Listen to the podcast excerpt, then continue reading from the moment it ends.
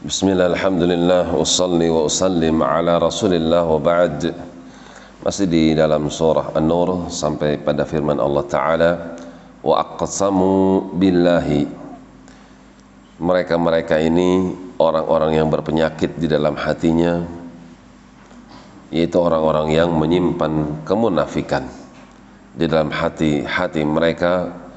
Mereka bersumpah dengan menyebut nama Allah jahda aimanihim bahkan dengan sumpah yang amat sungguh-sungguh atas nama Allah. Lain amartahum andai engkau ya Muhammad sallallahu alaihi wasallam memerintahkan mereka untuk keluar berperang la yakhrujun pasti mereka akan keluar ikut berperang bersama engkau.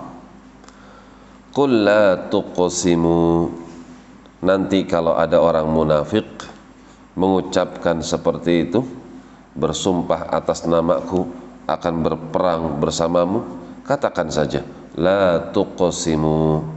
Kalian gak usah sumpah. Ta'atum ma'rufah.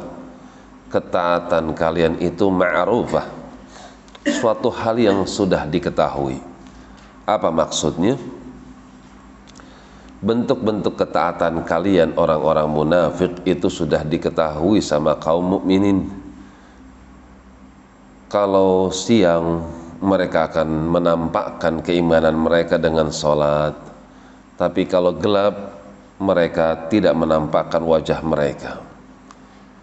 Jadi mereka beramal dengan Islam kepada hal-hal yang zahir saja supaya dianggap sebagai muslim di hadapan kaum muslimin padahal di dalam hati mereka terdapat penyakit.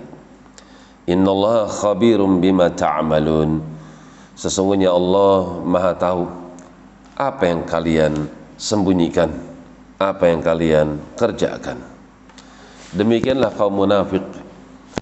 Kapan Islam itu menguntungkan, maka mereka akan tampil berpakaian dengan pakaian Islam akan tapi jika posisi Islam itu disudutkan, maka mereka akan menghilang dari sekitaran orang-orang yang beriman.